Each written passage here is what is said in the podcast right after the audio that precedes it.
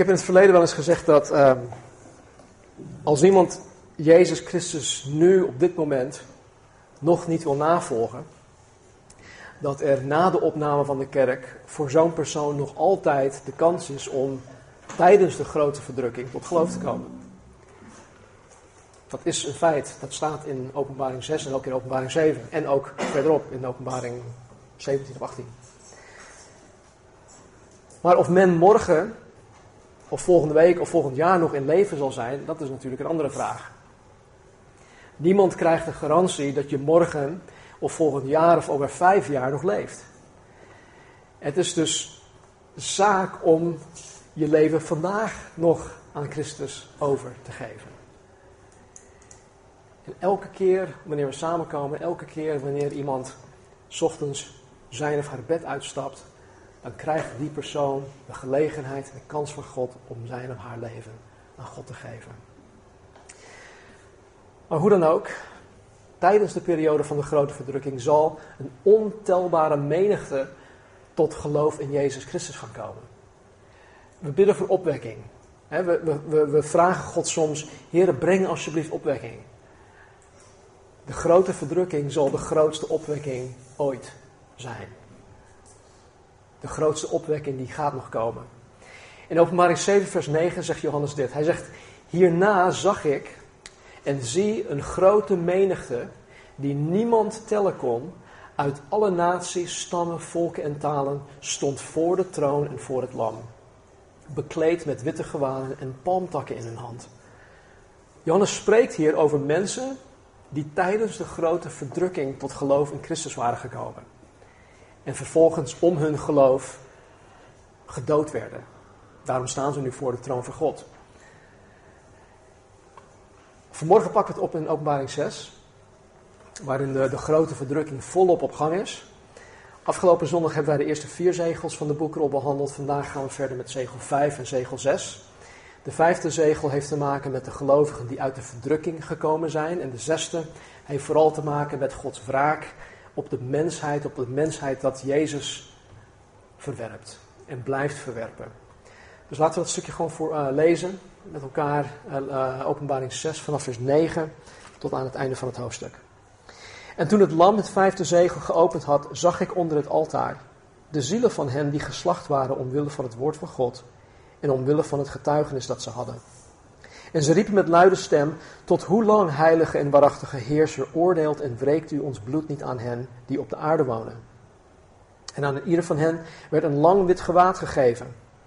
En tegen hen werd gezegd dat zij nog een korte tijd moesten rusten, totdat ook het aantal van hun mededienstknechten en hun broeders, die evenals zij gedood zouden worden, volledig zou zijn geworden. En ik zag toen het lam het zesde zegel geopend had, en zie, er kwam een grote aardbeving. De zon werd zwart als een harenzak, de maan werd als bloed. De sterren van de hemel vielen op de aarde zoals een vijgenboom zijn onrijpe vijgen afwerpt als hij door een harde wind wordt afgeschud, wordt geschud. En de hemel week terug als een boekrol die op wordt opgerold. En alle bergen en alle eilanden werden van hun plaats gerukt. De koningen van de aarde, de groten, de rijken, de oversten over duizend, de machtigen en alle slaven en vrije mensen verborgen zich in de grotten en tussen de rotsen in de bergen. En ze zeiden tegen de bergen en de rotsen: Val op ons en verberg ons voor het aangezicht van hem die op de troon zit en voor de toorn van het lam. Want de grote dag van zijn toorn is aangebroken. En wie kan dan staande blijven? Zover. Weet je, een van de dingen die mij over de mensheid opvalt, is dat mensen voor heel veel dingen bang zijn.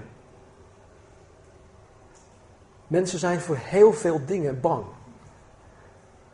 Ik weet nog toen ik klein was, omdat mijn vader van die rare spookverhalen vanuit Indonesië vertelde, was ik gewoon bang om alleen te zijn. Ik was bang van het donker. Ik was bang om uh, alleen naar het toilet toe te gaan s'avonds en, en dat soort dingen.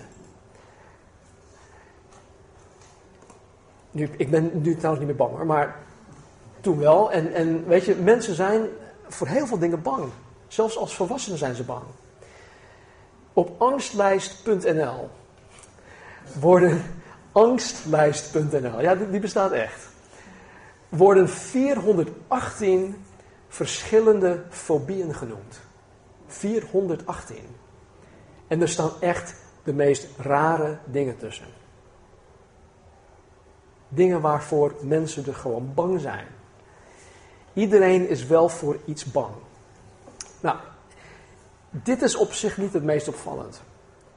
Waar ik me eigenlijk echt over verbaas, is dat mensen, zelfs mensen die naar de kerk toe gaan, kerkgangers, over het algemeen meer vrees hebben voor al deze dingen dan dat zij vrees voor de God van de Bijbel hebben. Ze hebben meer vrees bijvoorbeeld van een spin dan ze vrees voor God hebben. Meer vrees voor, noem maar op, 418 verschillende dingen. Niet-gelovige mensen om ons heen schromen absoluut niet om Gods verdoemenis over zichzelf heen te roepen. Is dat je ooit opgevallen? Wanneer iemand zegt, en dan is pardon, maar wanneer iemand zegt: God verdom me, en dan aaneengesloten heel snel, dan vraagt hij of zij om God hun te verdoemen. God verdom mij, me. Dat geloven ze natuurlijk niet. En dat geeft ook aan dat zij geen vrees voor God hebben. Want als ze echt vrees voor God zouden hebben, dan zouden ze God niet zomaar vragen om hen te verdoemen. Niet-gelovige mensen om ons heen bespotten God. Ze vervloeken God. Ze minachten God. Ze schelden God zelfs uit. Er leeft in de wereld om ons heen geen greintje angst of vrees voor God. En dat is te verwachten van de wereld. Helaas is het in de kerk van Jezus Christus ook zo dat mensen niet genoeg vrees voor God hebben. Ik vraag mezelf, ja, ik vraag mezelf soms wel af hè, dat, uh, of, of, wij uh, als de kerk de wereld hierin geen handje helpen. Wat ik daarmee bedoel is dit. Als, als wij het alleen maar met mensen hebben over de liefdevolle en de genadevolle en de barmhartige en de vergevende God. En wij het tegelijkertijd ook niet hebben over de rechtvaardige of de oordelende of de wrekende God. Dan geven wij niet een totaalbeeld van wie de God van de Bijbel daadwerkelijk is. Dan geven wij slechts een eenzijdig verhaal. En natuurlijk is, is dat veel meer aantrekkelijk. Wie zou nou niet een liefdevolle vader willen hebben? Wie zou nou niet vergeven willen worden? Nou, er zijn genoeg mensen die dat niet willen, maar snap je wat ik bedoel? Dat zijn de meer aantrekkelijke kanten van God. Maar als wij het hebben over een rechtvaardige God, of een oordelende God, of een wrekende God, dat is veel minder aantrekkelijk, maar dat is wel wie God is. Ook als ik niet leef alsof ik God vrees. Als ik zelf niet leef in mijn handel en wandel alsof ik God niet vrees, dan geef ik de mensen om me heen een verkeerd beeld van wie God is. Want ja, als ik me niets van God aantrek, dan laat ik de wereld om me heen zien dat God uiteindelijk toch niet echt te vrezen is. Want ik kan gewoon mijn ding blijven doen. Dan vrees ik God toch niet. Het is voor jou en voor mij als navolgers van Christus dus van essentieel belang om in de vrezen des Heren te leven, om daarin te blijven wandelen. Kijk wat Jezus hierover te zeggen heeft. In Lucas 12, vers 4 en 5. Tegen jullie, die mijn vrienden zijn, zeg ik, Jezus. Wees niet bang voor hen die het lichaam doden, maar daarna tot niets meer in staat zijn. Ik zal jullie duidelijk maken voor wie je wel bang moet zijn. Je moet bang zijn voor hem die de macht bezit om je te doden en daarna in de hel te gooien. Jazeker, dat is degene voor wie je bang moet zijn. Dat is de Willybord vertaling. In Hebreeën 10 vers 30 en 31 staat dit. Wij, wij kennen immers hem die gezegd heeft, mij komt de wraak toe. Ik zal het vergelden, spreekt de Heer. En dan komt het. Vreselijk is het te vallen in de handen van de levende God. Dat geeft toch een heel ander beeld dan die lieve opa die wij voor ogen hebben als we aan God denken. He, waar Peter het net vanmorgen over had. Die liefdevolle vader je, waar, waar, waar je naartoe wil redden met open armen. Dat is hij ook. En dat wil hij ook voor ons zijn. Maar dat is maar één kant van het verhaal. Hij is ook een oordelende en wrekende God. Vreselijk is het te vallen in de handen van de levende God. Paulus zegt in Galaten 6: Maak u niets wijs, God laat niet met zich spotten. Wat een mens zaait, zal hij ook oogsten.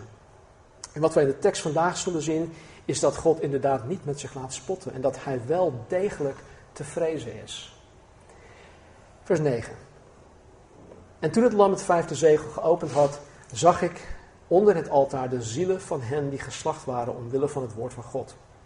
En omwille van het getuigenis dat zij hadden. Ik, ik vind het wel grappig, want uh, grappig. Uh, hoe ziet een ziel eruit? Hij zag daar zielen. Waarschijnlijk waren het gewoon mensen, maar hij noemt ze zielen. Ik zei afgelopen zondag dat er in openbaring heel vaak geschakeld wordt tussen hemel en aarde. De gebeurtenissen als gevolg van de eerste vier zegels die geopend werden, vond plaats op de aarde. Nu gebeurt er ineens weer iets in de hemel. Johannes ziet ineens iets in de hemel gebeuren.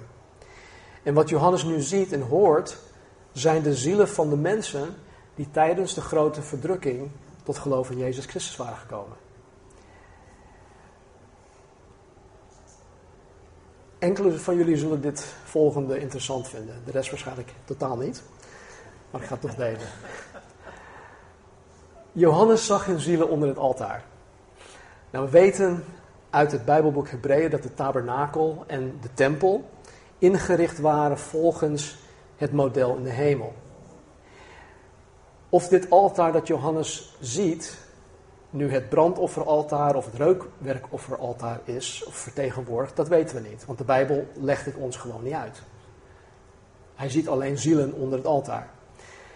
Volgens Exodus 29 en Leviticus 4 moesten de priesters het bloed aan de voet van het brandofferaltaar uitgieten. Dus onder het altaar zelf. Niet bovenop, maar onder het altaar zelf. Dit altaar was voor de zondoffers. Daar hebben we het met, Casper nog over gehad in uh, Exodus 29, 30. Volgens Exodus 30 moest er voortdurend een reukwerkoffer aan God geofferd worden. Dit gebeurde op het reukwerkofferaltaar. En dit vertegenwoordigde de gebeden. Dat hebben we een paar weken geleden ook gezien. Reukwerk, gebeden voor God. Nou, Johannes zag de zielen van, van hun die geslacht waren. Het zou kunnen dat op basis van dat zij geslacht waren, dat dit het brandofferaltaar vertegenwoordigt. Dat zou heel goed kunnen. Tegelijkertijd zien wij in vers 10 dat deze zielen tot God bidden. Zij bidden tot God, ze vragen God om iets. Het zou dus op basis hiervan kunnen zijn dat dit het reukwerkofferaltaar vertegenwoordigt. nou, dit alles gezegd hebbend maakt het voor ons eigenlijk helemaal niets uit welk altaar hier vertegenwoordigd wordt. Maar goed, sommigen van jullie zouden het interessant vinden vandaar. Nou, dit zijn dus de zielen van mensen die omwille van hun geloof in Jezus Christus, omwille van het woord van God, omwille van hun getuigenis tijdens de grote verdrukking gedood werden. En zij, die zielen, vers 10, riepen met luide stem. Wat ook opvalt, in de hemel is, altijd, is alles altijd heel luid. De engel riep met een luide stem en zij riepen met een luide stem. En dit gebeurde met een luid geschal. Alles is luid. Anyway, zij riepen met een luide stem. Tot hoe lang, heilige en waarachtige Heerser, oordeelt en wreekt u ons bloed niet aan hen die op de aarde wonen? Deze groep mensen bidden tot God om te vragen hoe lang God de goddeloze mensen op aarde nog hun gang zullen laten gaan omdat deze mensen, deze zielen, die tijdens de grote verdrukking tot geloof in Jezus Christus zijn gekomen, hun geloof hebben moeten kopen met hun leven, doen zij op dit moment beroep op Gods rechtvaardigheid om hun moord te wreken. Deze mensen kennen God inmiddels. Ze kennen God niet alleen als de liefdevolle vader, maar ook als de rechtvaardige rechter en wreker. En nadat zij de meest verschrikkelijke dingen op aarde meegemaakt hebben, wat uiteindelijk tot hun dood geleid heeft, vragen zij terecht dat God hun zal wreken. Vers 11. En aan een ieder van hen werd een lang wit gewaad gegeven. En tegen hen werd gezegd dat zij nog een korte tijd moesten rusten, totdat ook het aantal van hun mededienstknechten en hun broeders, die evenals zij gedood zouden worden, volledig zou zijn geworden. Deze zielen worden gerustgesteld. Deze mensen worden gerustgesteld. Maar ze moeten nog even wachten.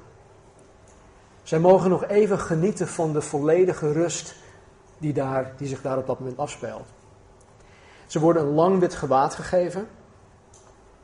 Nu hebben deze gelovigen uit de grote verdrukking op dit moment nog niet hun verheerlijk lichaam. Ze hebben nog niet hun verheerlijk lichaam. Dat komt pas in openbaring 20 vers 4. Dus omdat zij nog ja, hun verheerlijk lichaam nog niet hebben, vragen mensen zich af wat voor lichaam zij in de tussentijd zullen krijgen. Waarop zij dit lang wit gewaad kunnen plaatsen. Want als het een ziel is, hoe kleed je een ziel aan? En dat zijn de, de gedachten die mensen, de vragen die mensen hebben. Nou, de Bijbel, de Bijbel geeft niet expliciet aan in welke vorm deze mensen zich zullen bevinden. Maar ik persoonlijk denk ik dat het hetzelfde zal zijn als iemand die nu sterft en naar de hemel toe gaat. 2 Korinthe 5:1 zegt Paulus dit. Wij weten immers dat wanneer ons aardse huis, dus ons lichaam, deze tent afgebroken wordt, wanneer wij sterven, wij een gebouw van God hebben, een huis niet met handen gemaakt, maar eeuwig in de hemelen. Hij heeft het hier over het sterven, het afleggen van deze aardse tent en het naar de hemel toe gaan en het krijgen van een nieuwe tent. Een huis. Niet met handen gemaakt, met, met andere woorden, niet uh, door mensen gemaakt, maar eeuwig in de hemelen.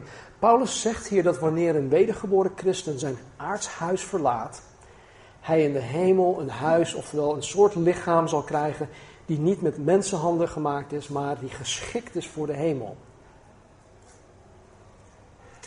Geschikt voor de hemel. Wij, het is blijkbaar nodig dat wij een ander lichaam krijgen of een ander gedaante krijgen die geschikt is voor het leven in de hemel. Wij zijn, onze lichamen zijn geschikt om hier op aarde te leven. Als je naar de ruimte toe gaat, dan, dan kan dat wel. Maar dan heb je zo'n ruimtepak nodig, je hebt zuurstof nodig, je hebt warmte nodig, je hebt allerlei dingen nodig die eigenlijk hier op aarde zijn om daar ook te kunnen overleven. En zo denk ik dat je dan in de hemel waarschijnlijk ook een ander lichaam zou moeten hebben, een hemelslichaam, om daar te kunnen leven. Dus hoe dan ook, zullen ook deze gelovigen uit de verdrukking een, een dergelijke vorm aannemen wanneer zij gemarteld worden en in de hemel terechtkomen. Nou, in de tussentijd moeten ze rustig blijven wachten totdat ook het aantal van hun mededienstknechten en hun broeders, die evenals zij gedood zouden worden, volledig zou zijn geworden. Nou, dit geeft een aantal belangrijke zaken aan. Deze die hier onder het altaar zijn, werden tijdens de grote verdrukking geslacht, gemarteld, gedood, omwille van hun geloof. Waarschijnlijk ergens in de eerste helft van de grote verdrukking. Nu wordt tegen hun gezegd dat hun mededienstknechten en hun broeders die evenals zij tijdens de grote verdrukking gedood zouden worden, dus nog gedood moeten worden. Dus op het moment dat Johannes hun onder het altaar ziet, moeten er nog mensen gedood worden tijdens de rest van de grote verdrukking. En hierin zie ik dat, dat, uh, dat God weet wie deze, mensen tot wie deze mensen zijn die tot geloof gaan komen. En dat hij hun niet samen met de goddelozen gaat straffen. Volg je mij hierin? Dus hij weet van tevoren, hé, hey, er zijn nog mensen die tot geloof moeten gaan komen. Ik ga hun nu niet straffen. Wacht, nou, wacht nog maar even. Blijf nog maar even in de rust. De tijd komt wanneer ik de rest ga straffen. Maar deze, je broeders, je mededienstknechten, die moeten nog tot geloof komen. Die moeten nog gedood worden. Dus ja, deze zullen gedood worden, maar niet door God. Ze zullen gedood worden, maar niet door God. Ze zullen gedood worden door de mensen die Jezus haten. Mensen die door het kwaad bezeten zijn. Mensen die in de band van de antichrist zijn. Deze mensen zullen de christenen gaan doden. Dus ja, mensen die niet met de opname van de kerk meegaan, kunnen daarna nog tot geloof komen. Maar in tegenstelling tot nu zal het geloof in die tijd de mens zijn of haar leven kosten. Als je denkt dat het nu moeilijk is om christen te zijn, het zal dan nog honderden malen moeilijker zijn. Vers 12. En ik zag toen het lam het zesde zegel geopend had en zie, er kwam een grote aardbeving en de zon werd zwart als een harenzak en de maan werd als bloed. Nou, tot nu toe, bij het openen van elke zegel, ligt de oorsprong van de uiting van Gods toorn bij mensen. Met andere woorden, bij het verbreken van de eerste vijf zegels heeft God bij zijn uiting van zijn oordeel uh, menselijke instrumenten gebruikt. Bij de eerste zegel ging het om de antichrist. Hij bracht een schijnvrede. Bij de tweede zegel ging het om oorlog tussen wie? Tussen mensenvolken. Bij de derde zegel ging het om een hongersnood, wat ook door de mensen veroorzaakt werd. Bij de vierde ging het om mensen die elkaar doden. Bij de vijfde ging het om martelaren die door mensen gedood werden. Maar nu, bij de zesde zegel, kan geen enkel mens er meer omheen dat God zelf verantwoordelijk is voor alle ellende. Mensen kunnen er niet meer omheen dat God zelf degene is die zijn oordeel over de aarde heen uitstoort. Hij zegt, ik zag toen het lam het zesde zegel geopend had en zie, er kwam een grote aardbeving, de zon werd zwart als een harenzak en de maan werd als bloed. Nou, alhoewel het hier in het Nederlands vertaald wordt als aardbeving, komt het woord aarde niet in de grondtekst voor. Het, het gaat in de grondtekst puur om het, om het schudden, om het geschud worden, om, om, om schokken. Jezus sprak hier ook over. In Lucas 21, 25 en 26 instrueerde Jezus zijn discipelen over de grote verdrukking. En hij zei dit. Hij zegt, in, en er zullen tekenen zijn in de zon, in maan en sterren en op de aarde benauwdheid onder de volken. In radeloosheid vanwege het bulderen van zee en golven. En het hart van de mensen zal bezwijken van vrees en verwachting van de dingen die de wereld zullen overkomen. Want de krachten van de hemelen zullen heftig bewogen of geschud worden. Ik geloof dat het in vers 12 niet alleen om een aardbeving zal gaan. Zeer zeker niet om een plaatselijke aardbeving. Maar ik geloof dat het heelal door elkaar geschud zal gaan worden. Denk nog even terug. Het is alweer vijf jaar geleden. Maar denk even terug naar 2011, eh, maart 2011. De grote aardbeving in de grote oceaan. Uh, dat veroorzaakte een gigantische tsunami in uh, Fukushima, Japan. Er zijn wel honderdduizend mensen door deze aardbeving omgekomen. Door één aardbeving. Denk even iets verder terug naar de aardbeving dat onder de Indische Oceaan in december 2004 plaatsvond. Dit veroorzaakte een tsunami dat zo'n 14 landen trof.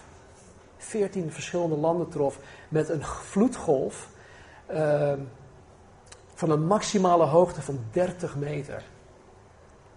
En dan is het niet één, één golf, hè? het is gewoon een muur van water 30 meter hoog dat gewoon over het land heen komt. Er wordt geschat dat er zo'n 400.000 mensen hierdoor omgekomen zijn. Deze aardbeving zelf werd gemeten op de schaal van Richter tussen 9,1 en 9,3. En de gehele aarde heeft daar iets van gemerkt. Er was geen enkele plek op aarde die daar, uh, die, die door de, de, de seismografen, uh, hoe noem je dat, ja? Die daar niets van gemerkt heeft. De hele aarde werd door deze ene plaatselijke aardbeving geschud. Stel je voor hoe het eruit zal zien wanneer de gehele aarde geschud zal gaan worden. Wanneer het niet alleen gaat om een plaatselijke aardbeving. Ook zal de zon en de maan verduisterd worden. Dat Johannes de zonsverduistering met een zwarte harenzak vergelijkt, geeft aan dat het gewoon pikdonker wordt. zwarte harenzak was waarschijnlijk een zak, een soort jutezak waar we aardappels in doen of uh, mais als we naar de boer toe gaan. In plaats van dat het van, van jute gemaakt is, is het van zwarte uh, dierenharen gemaakt. En dat de maan als bloed wordt, geeft dus ook aan dat het s'nachts behoorlijk donker zal zijn. Donkerder dan normaal. En hier spreekt Joel ook over in Joel hoofdstuk 2. Vers 13. En de sterren van de hemel vielen op de aarde zoals een vijgenboom zijn onrijpe vijgen afwerpt als hij door een harde wind wordt geschud. Blijkbaar draagt een vijgenboom um, meerdere keren in het jaar vijgen. je hebt de, sommige van jullie weten dat, die hebben vijgenbomen. Zomers heb je dan de vijgen die je kan eten, maar ehm, ik, ik, ik denk, ik, ik weet het niet zeker, maar ik denk of in het, in het najaar of in de winter heb je dan een, een, wat, wat heet een late vijg. En die, die vallen uiteindelijk van de boom af, die zijn dus niet te eten. En die vallen dus vrij makkelijk van de boom af op een gegeven moment. En dat beeld heeft Johannes dus voor ogen, dat die onrijpe, die latere vijgen die niet te eten zijn, als een, als een harde wind komt, dan vallen ze allemaal van, die, van, de, van de vijgenboom af. Nou, met de sterren van de hemel wordt niet letterlijk bedoeld sterren. Hè, dat echt de sterren op de aarde zijn. Want dat, dat kan niet. Dan is de hele aarde gewoon in één, in één keer. Uh, is, er niet, is er gewoon niet meer. Maar hiermee wordt uh, meteorieten en asteroïden bedoeld. Dat zijn grote stenen die uit outer space komen. Ik heb um, een foto van uh, een grote krater. Uh, dat staat in de, in de VS, in de staat Arizona, uh, dichtbij een plek dat heet Winslow. En de krater heet de Barringer Crater. En het is ontstaan door een meteoriet dat tegen de aarde botste. Het is heel lang geleden, ze weten niet precies wanneer. Ze zeggen iets van zoveel miljoenen, 55 miljoen jaren geleden. Daar geloof ik niks van.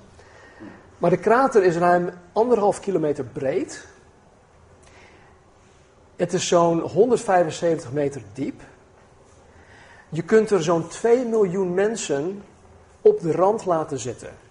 Zo groot is het.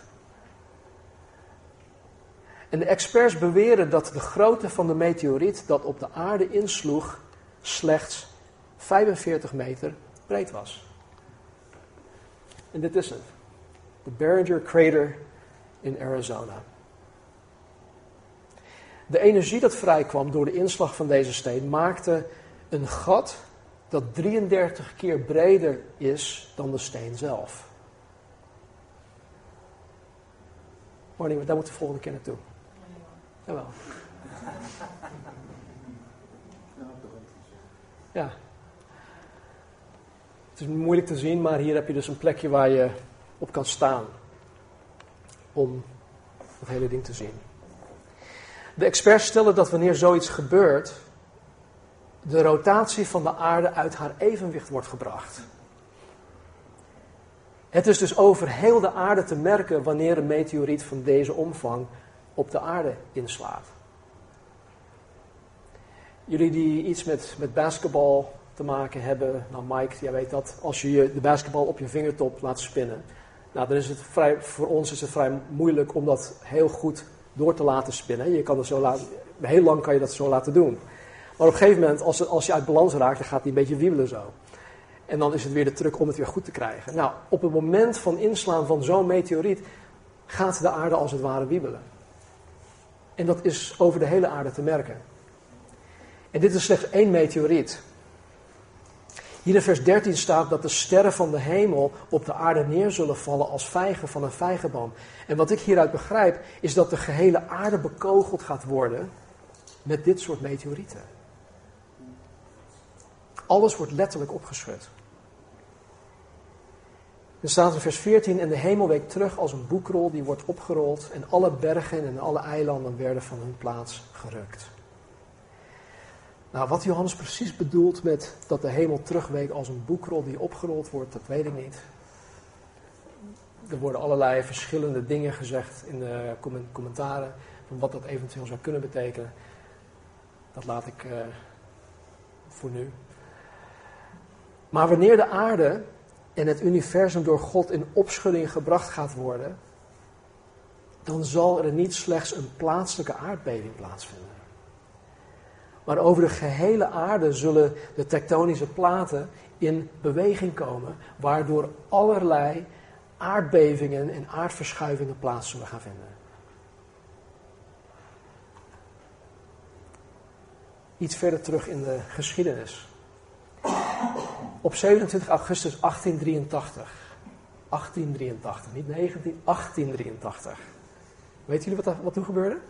27 augustus 1883. Jullie hebben niet opgelet. Nee, toen barstte een vulkaan uit op het Indonesisch eiland Krakatau. Het geluid van de vier knallen van de uitbarsting was 4800 kilometer verderop op het eiland Mauritius te horen. Het was ook in Perth in Australië, ruim 3000 kilometer daar vandaan, te horen. De vier knallen van die uitbarsting. Men zei dat mensen in een straal van 16 kilometer hun gehoor kwijtraakten. Doordat hun trommelvliezen barsten.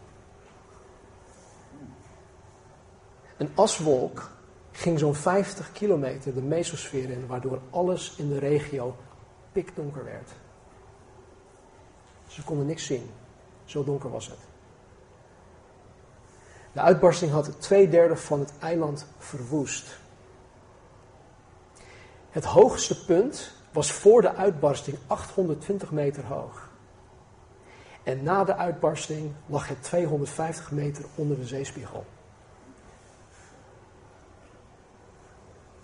Als hier in vers 14 staat dat alle bergen en alle eilanden van hun plaats worden gerukt, dan is Krakatau daar niets bij in vergelijking. Dat is slechts een voorproefje. Door die grote aswolk is het daaropvolgend jaar is de, de, uh, het gemiddelde temperatuur rondom de hele wereld is met 1,2 of 1,3 graden gezakt.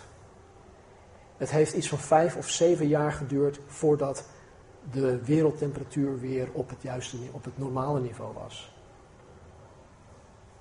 Eén vulkaan. En de koningen, vers 15 van de aarde, de groten, de rijken, de Rothschilds, de oversten over duizend, de machtigen en alle slaven en vrije mensen verborgen zich in de grotten en tussen de rotsen in de bergen.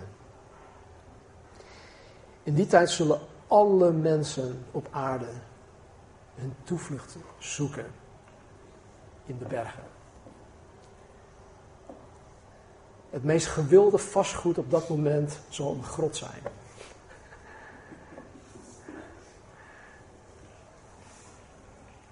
En ze zeiden tegen de bergen en de rotsen, vers 16, val op ons en verberg ons voor het aangezicht van hem die op de troon zit en voor de toorn van het lam.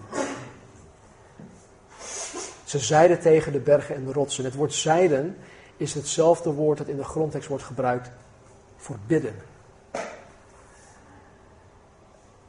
Dit alles zal dus een wereldwijde bidstond tot stand brengen. Alleen bidden ze niet tot de God van de Bijbel, maar tot de bergen en de rotsen. Deze mensen hebben het uiterste van wanhoop en ellende en angst en gevaar bereikt. Ze ervaren ondraaglijke pijn en kwelling. En waar ze nu om smeken, is om gedood te worden. En niet alleen om gedood te worden, maar vervolgens verborgen te worden voor Hem die op de troon zit en het lam.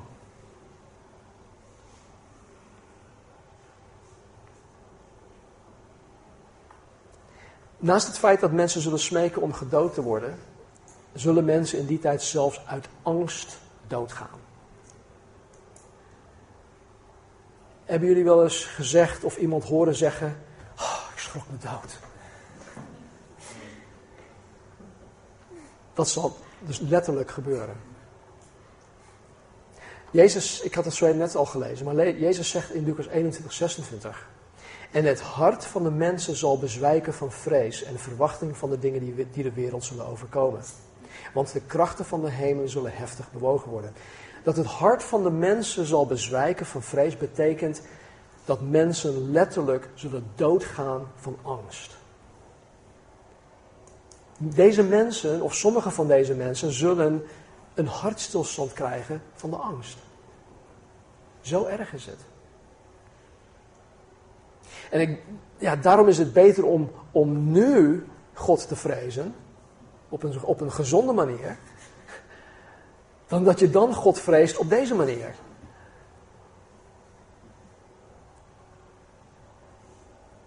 Kijk, de wereld van, van die tijd en de toekomst, die heeft vanaf het begin van de grote verdrukking al te horen gekregen dat bijvoorbeeld alle christenen die plotseling verdwenen zijn, door Jezus Christus opgenomen zijn. Wij als kerk worden opgenomen, de gemeente wordt weggehaald. We weten niet hoe lang daarna de grote verdrukking van start gaat, want dat staat niet, in de Bijbel. We weten wel dat wij eerst weggehaald moeten worden. Maar tijdens de grote verdrukking zal je buurman of je collega waarmee je het evangelie hebt gedeeld, die nu gewoon echt koppig is en blijft, die er niks wil van weten, die zal op een gegeven moment toch gaan terugdenken naar de woorden die jij met hem of haar gedeeld hebt. Hey, die Ralf en Rebecca, joh, met dat prachtige huis, die, waar zijn ze gebleven? Ze zijn wel weg, kinderen zijn weg. Die en die zijn weg, Casper en de Miet zijn weg, maar die hebben net die nieuwe keuken. Nee, hoe kan dat nou? Ze zouden toch niet zomaar weggaan? Wij zullen verdwijnen, mensen. En degene waarmee wij het evangelie hebben gedeeld, die zullen dan gaan nadenken, die gaan malen over alles wat wij aan hun verteld hadden. Wij zullen weg zijn, de kerk zal weg zijn, de invloed van de Heilige Geest die door de kerk heen werkt, dat zal weg zijn, maar overal zullen er Bijbels rond Al onze spullen die, die zijn er gewoon nog. Mijn iPad met al mijn preken, de, website die zal waarschijnlijk nog in, in, in de lucht zijn, hoop ik. Weet je, dus er zal genoeg zijn om mensen aan het denken te doen zetten. Alle mensen die achterblijven, waarmee het evangelie gedeeld is, zullen dus tot het besef komen dat wij die opgenomen zijn, uiteindelijk toch gelijk hadden. Niet dat het daarom gaat. Een aantal van hen zullen tot geloof gaan komen en zij zullen vervolgens het evangelie met anderen gaan delen tijdens de grote verdrukking en uiteindelijk zal dit hen hun leven gaan kosten. Ook zullen de 144 Duitse, of Duitse, 144.000 Joodse evangelisten de wereld vertellen van het tijdperk van de genade, dat dat voorbij is en dat God nu met de weerbarstige wereld aan het afrekenen is. Zij zullen gaan evangeliseren. Je moet, moet, moet je voorstellen, 144.000 Paulus, of uh, de apostel Paulussen hier op, op aarde. Of 144.000 Billy Grahams die dan op de aarde aan het werk zijn. Wat een opwekking. Aan de ene kant zou ik dat eigenlijk wel mee willen maken. eigenlijk niet, maar weet je dat, je, dat je dat zal meemaken. Dat zal, dat zal gaaf zijn. Doordat er tijdens de grote verdrukking zoveel aandacht zal worden besteed aan het verkondigen van het evangelie. En ook aan de toorn van God, zullen mensen uiteindelijk toch gaan geloven dat er überhaupt een God is. En dat hij verantwoordelijk is voor wat er wat er, wat, er, wat er op dat moment, wat er zich op dat moment afspeelt. Helaas, in plaats van dat deze mensen zich tot God bekeren, willen ze liever doodgaan dan dat zij iets met God te maken willen hebben. Kijk, uiteindelijk zullen ze toch iets met God te maken krijgen, want de dood is slechts een overgang van dit leven naar het eeuwig leven. En wat de mens tijdens het leven hier op aarde met het evangelie doet, zal bepalen hoe en waar hij of zij de eeuwigheid zal doorbrengen. Dus ze, ze kunnen niet om God heen, hoe dan ook. Ze denken het wel, ze hopen het wel. Maar er staat in vers 17, hiermee sluiten we af, want de grote dag van zijn toorn is aangebroken en wie kan dan staande blijven? Er zal tijdens de grote verdrukking een moment komen dat de wereld in zal zien dat al die lijpe christenen met hun achterlijk geloof, zoals dat ook nu gezegd wordt, toch gelijk hadden. En dat de toorn van God nu toch werkelijk wordt uitgestort. En de vraag is, en dat stellen ze hier ook, wie kan dan staande blijven? Wie kan staande blijven? En het antwoord op die vraag is niemand. Niemand kan dan staande blijven. Denk even aan de meest stoere en sterke man of vrouw die jij kent. Het zij eh, een MMA-fighter of uh, een uh, wrestler of noem maar op. Of een, een superheld. Of mijn schoonzoon Mike.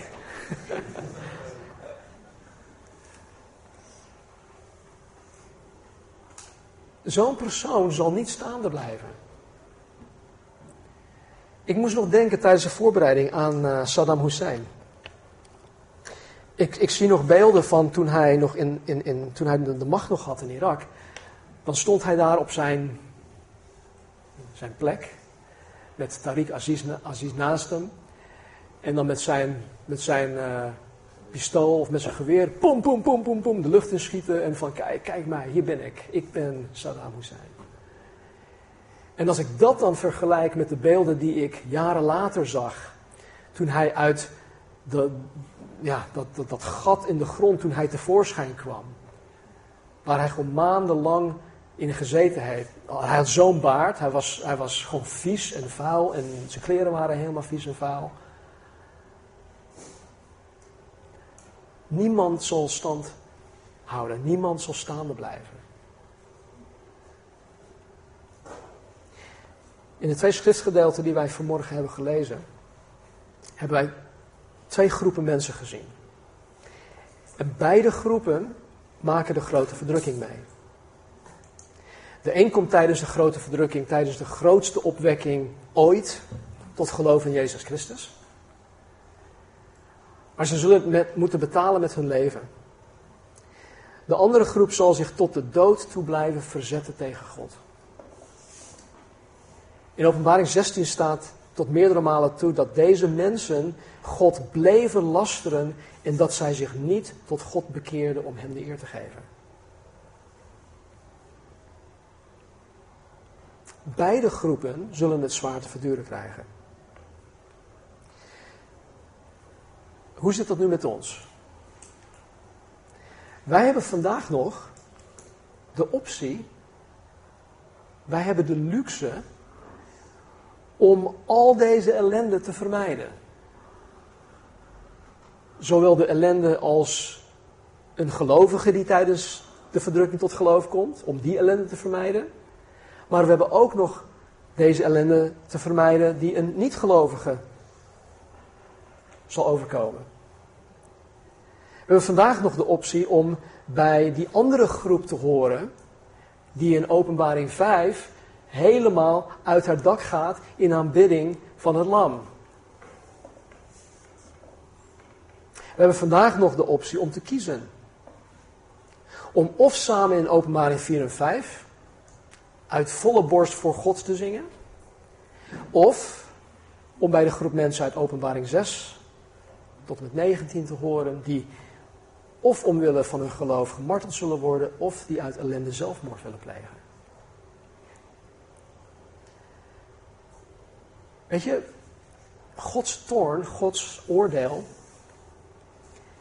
tijdens de grote verdrukking is uiteindelijk bedoeld om mensen tot bekering te brengen. Begrijp dit goed, hè? Want ja, het is om de mensheid te straffen. Maar uiteindelijk is de hartsgesteldheid van God om mensen tot zich te trekken. En daarom doet God zo ontzettend veel moeite om die 144.000 evangelisten in te zetten. Om de twee getuigen daarvoor in te zetten. Om een engel, een engel rond de wereld te laten gaan om het evangelie te verkondigen. En nee, dat is geen satelliet. Het is echt een engel.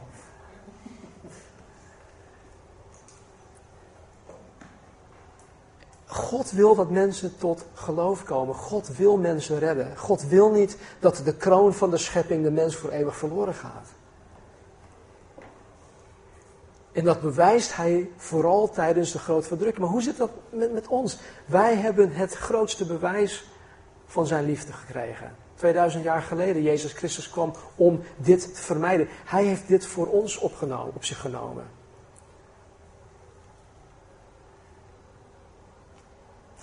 Paulus zegt in 2 Korinther 6, 2 dit.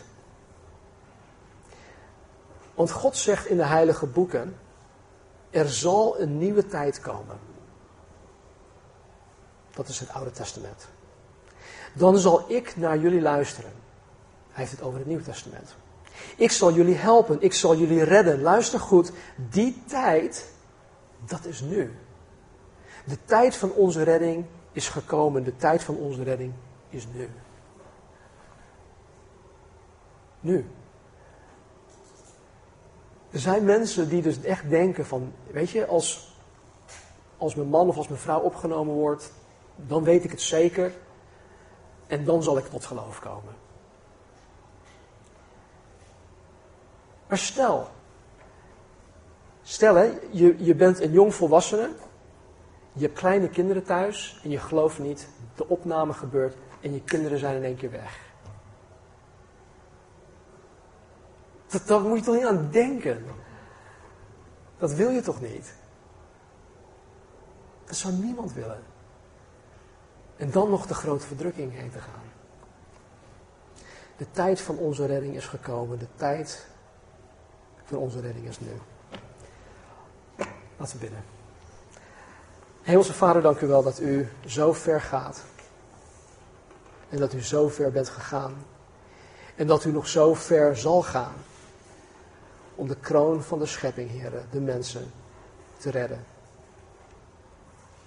Dank u wel voor uw liefde. Dank u wel voor uw genade. Dank u wel voor uw barmhartigheid, Heer. Uw gunstbewijzen die elke dag, Heer, nieuw zijn.